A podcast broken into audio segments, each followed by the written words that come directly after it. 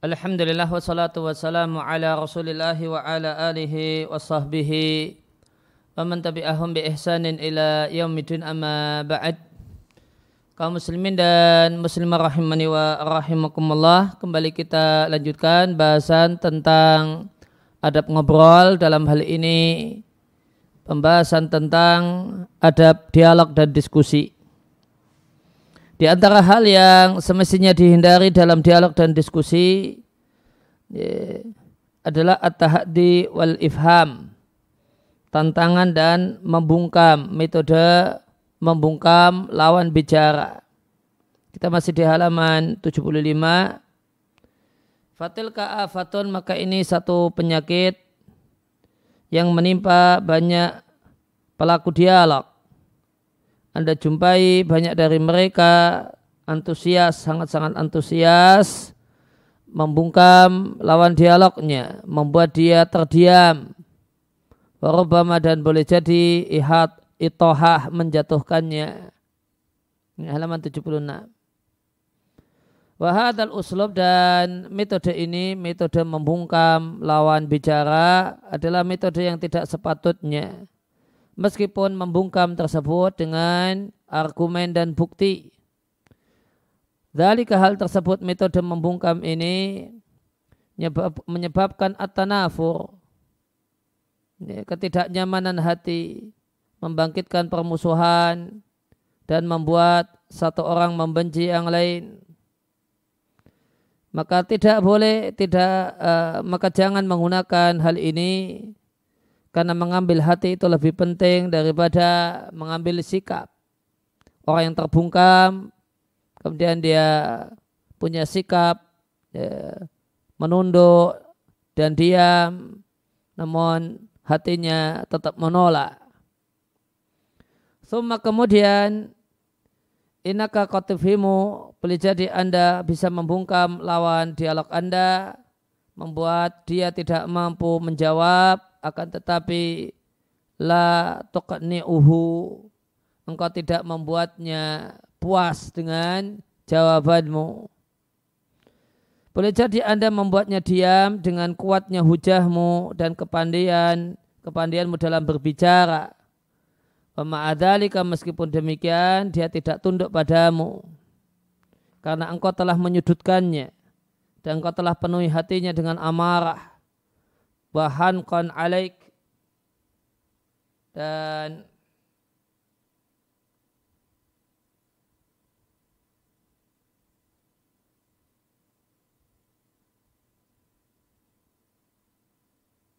ya, sangat marah. Hanakon sangat marah kepadamu. Maka dia menolak untuk tunduk kepadamu dengan emosinya meskipun dia setuju denganmu dengan akalnya.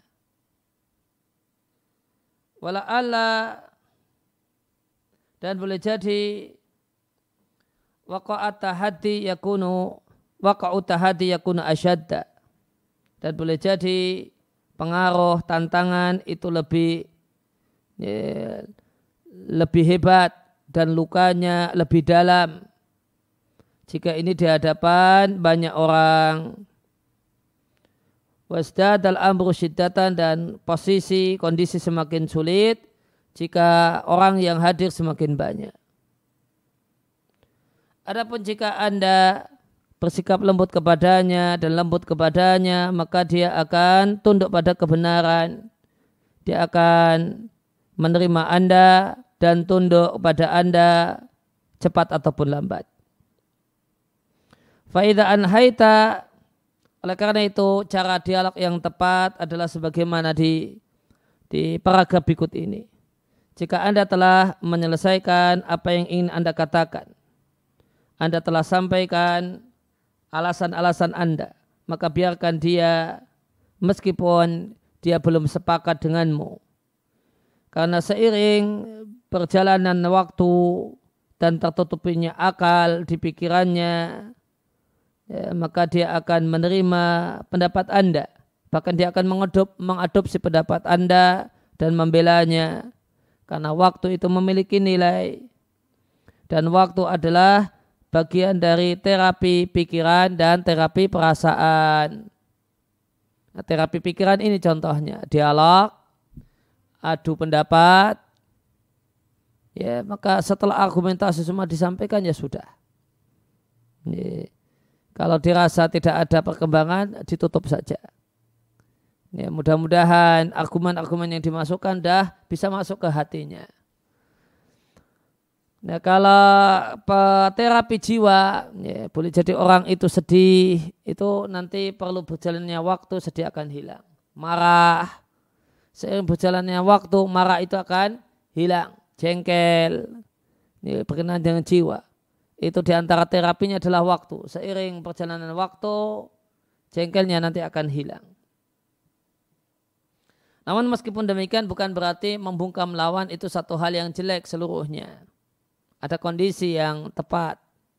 Wa ma'adhalika meskipun demikian, tetaplah membungkam lawan bicara adalah gaya bahasa yang paling ideal jika sikon mendukung, mendorong untuk hal tersebut dan kondisi mendorong untuk itu. Semisal kondisinya ketika bersama orang yang pura-pura buta tidak mengetahui kebenaran. Dan orang yang uh, memunculkan berbagai macam subhat dan kebatilan. Maka membungkamnya adalah di antara faktor untuk menghancurkan hujahnya dan menghancurkan kekuat, ke, kekuatannya yaitu kekuatan hujah dan menjatuhkan wibawanya halaman 77. Wakadhalika demikian contohnya adalah perbuatan Nabi Ibrahim sang kekasih Allah alaihi salam ketika didebat oleh Namrud tentang Rabnya yang telah memberikan kepada Namrud kerajaan.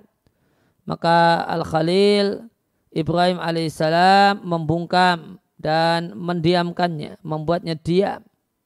Membuat Namrud terbungkam dan diam. Allah Ta'ala berfirman, Tidakkah engkau melihat orang yang berdebat Ibrahim tentang Rabbnya? Karena Allah telah memberikan kerajaan kepadanya. Ketika Ibrahim berkata, Rabbku adalah yang menghidupkan dan mematikan, maka Namrud mengatakan aku bisa menghidupkan dan mematikan, yaitu membiarkan hidup dan membunuh. Ya, maka membungkamnya ada di argumen yang kedua. Ibrahim mengatakan, Allah mendatangkan matahari dari timur, maka silahkan datangkan dari barat, maka terbungkamlah orang-orang kafir, terbungkalah orang kafir itu Namrud, dan Allah tidak akan berikan petunjuk kepada orang-orang yang zalim.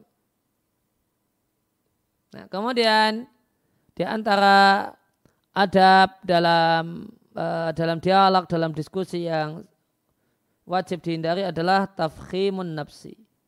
Membesar-besarkan diri. Maka ini adalah satu hal yang wajib dihindari ya, dan ini adalah satu sikap negatif yang dialami oleh banyak orang melakukan dialog. Maka Anda saksikan orang tersebut sering kali menyisipkan kata ganti orang pertama, aku, atau yang menggantikannya, pendapatku, menurut pengalamanku. Hada tu ilaihi, ini hasil kajianku, dan semacam itu. Dan yang lebih jelek dari hal ini adalah membesar-besarkan diri lebih dari itu dengan menggunakan ya, domir jamak yaitu menggunakan kami. Hada ra'yuna ini pendapat kami. Ini ya, pilihan yang kuat menurut kami. Ini adalah hasil kajian dan telaah kami. Wa nahu ibaratil fajjah. Dan yang lainnya yang merupakan ungkapan-ungkapan yang fajjah.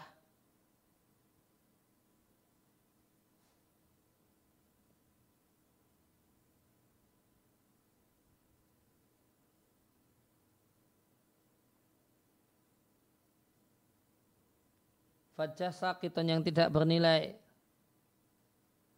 alati tanumu atau tanmu yang menunjukkan kalau orangnya itu hurur tertipu dengan diri sendiri wa naqs dan orangnya adalah orang yang malah tidak sempurna.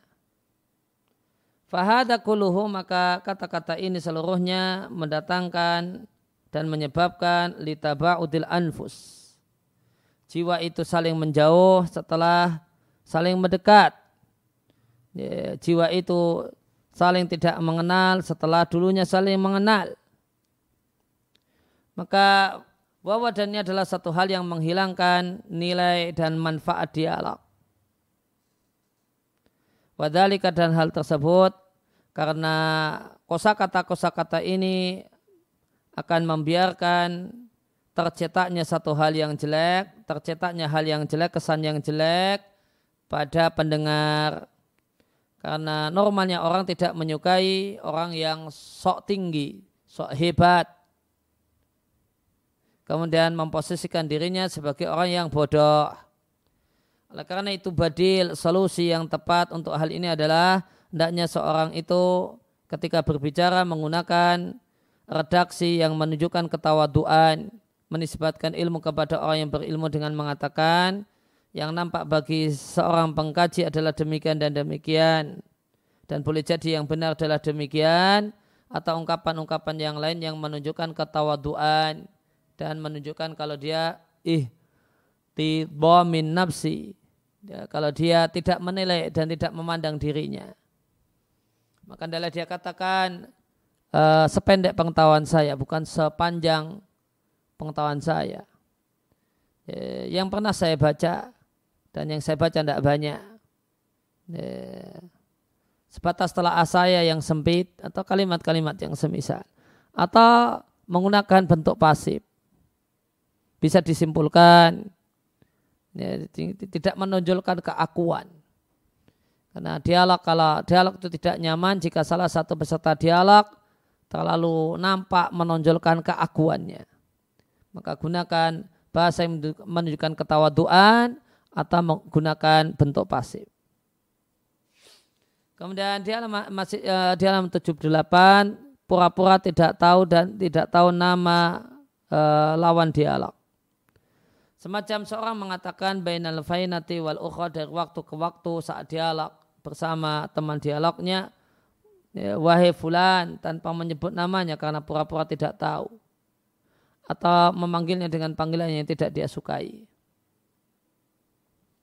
Dan di antara hal yang tidak disukai adalah terlalu banyak membawakan kata ganti orang kedua dalam uh, berdialog dengan uh, lawan dialog semacam mengucapkan anta, kamu.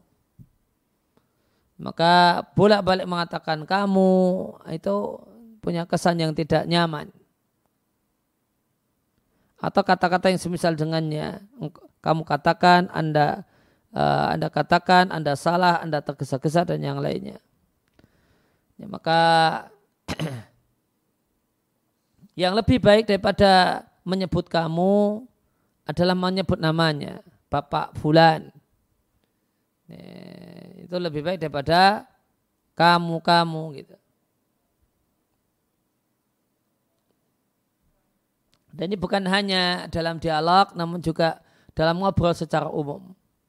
Kalau ngobrol dengan lawan eh, teman ngobrolnya itu di kamu-kamu kan ini tidak nyaman. Namun kalau sebut namanya malah lebih nyaman dan enjoy.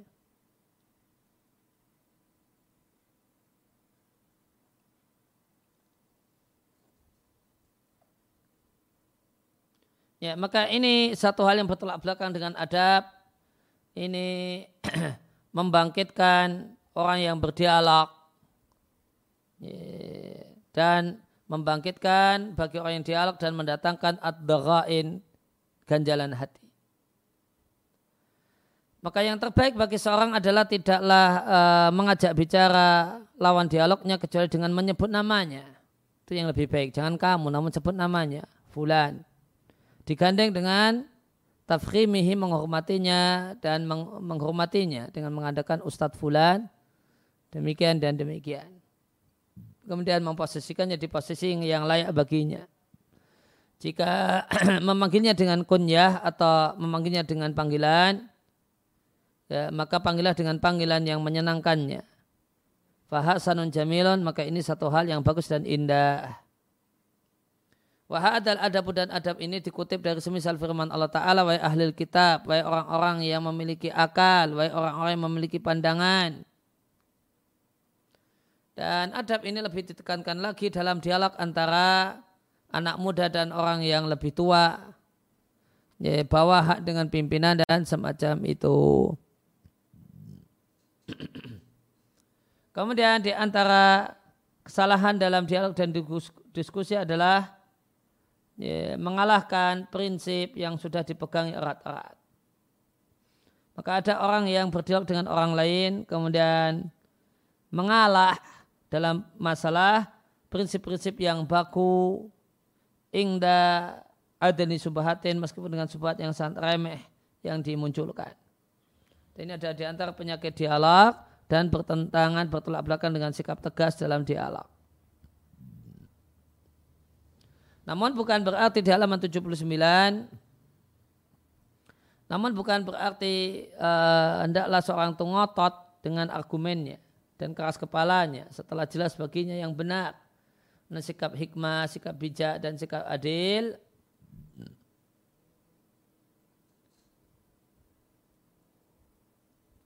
adalah meralat pendapatnya dan perkataannya jika nampak baginya sisi yang lebih benar dan lebih tepat.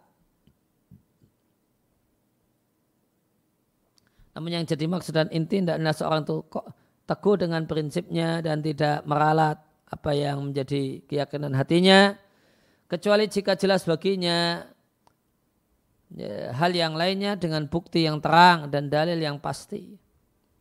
Ibn Hazm rahimahullah ta'ala mengatakan asabat keteguhan yang maknanya adalah ikatan hati yang kuat, yang benar dan keteguhan hati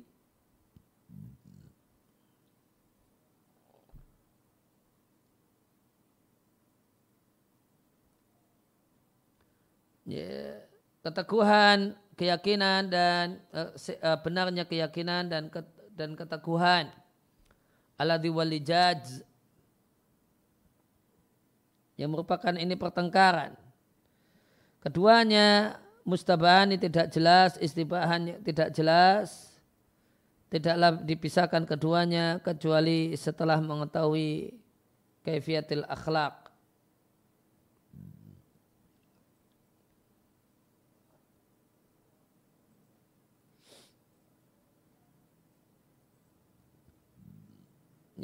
ya, kecuali akan mengetahui betul-betul bagaimana itu akhlak mulia.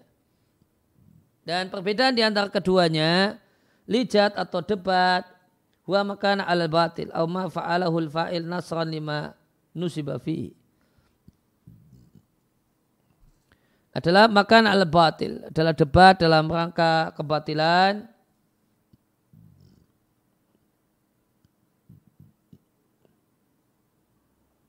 atau apa yang dilakukan oleh fa'il oleh pelaku ya, nasran uh, dalam rangka membela lima nusyiba fihi.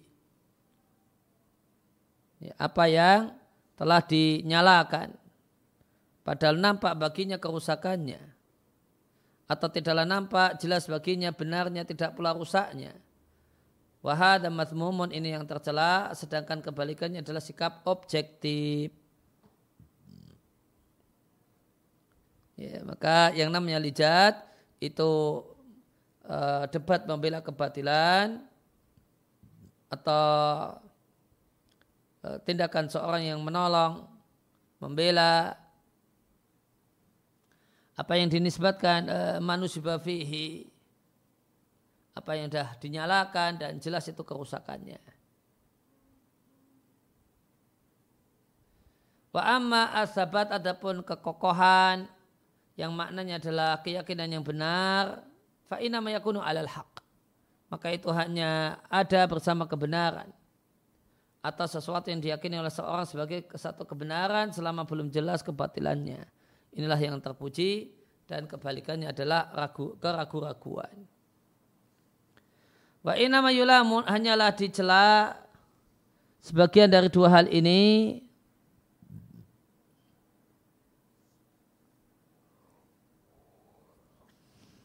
Di anadaya karena dia telah menelantarkan dan menyanyikan tadabbur ma sabata alaihi merenungkan apa yang menjadi kewajibannya. Dan tidak lagi membahas ama iltazama tentang apa yang telah jadi komitmennya apakah itu benar ataukah tidak benar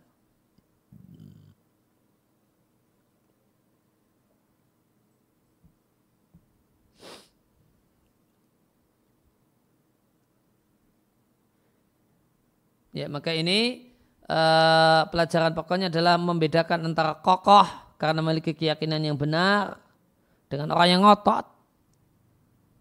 Nah, apa bedanya? Kokoh dengan keyakinan yang benar sama yang ngotot. Maka yang bisa mengenalinya adalah orang yang memang betul-betul mentelaah akhlak manusia.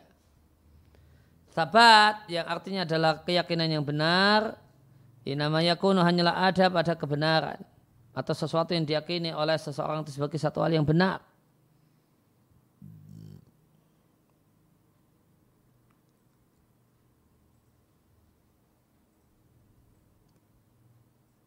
Ya, sebagaimana dikatakan oleh Al-Aqad, bahasanya keras kepala dengan uh, keteguhan berpendapat itu dua hal yang bertentangan. Al-inat uh, keras kepala adalah ngotot tanpa sebab atau karena satu sebab dan sudah diketahui kejelekannya. Sedangkan sahabat itu ngotot, ngotot di satu pendapat yang diyakini oleh orangnya dan dia belumlah nampak baginya apa yang mendorongnya untuk meninggalkannya.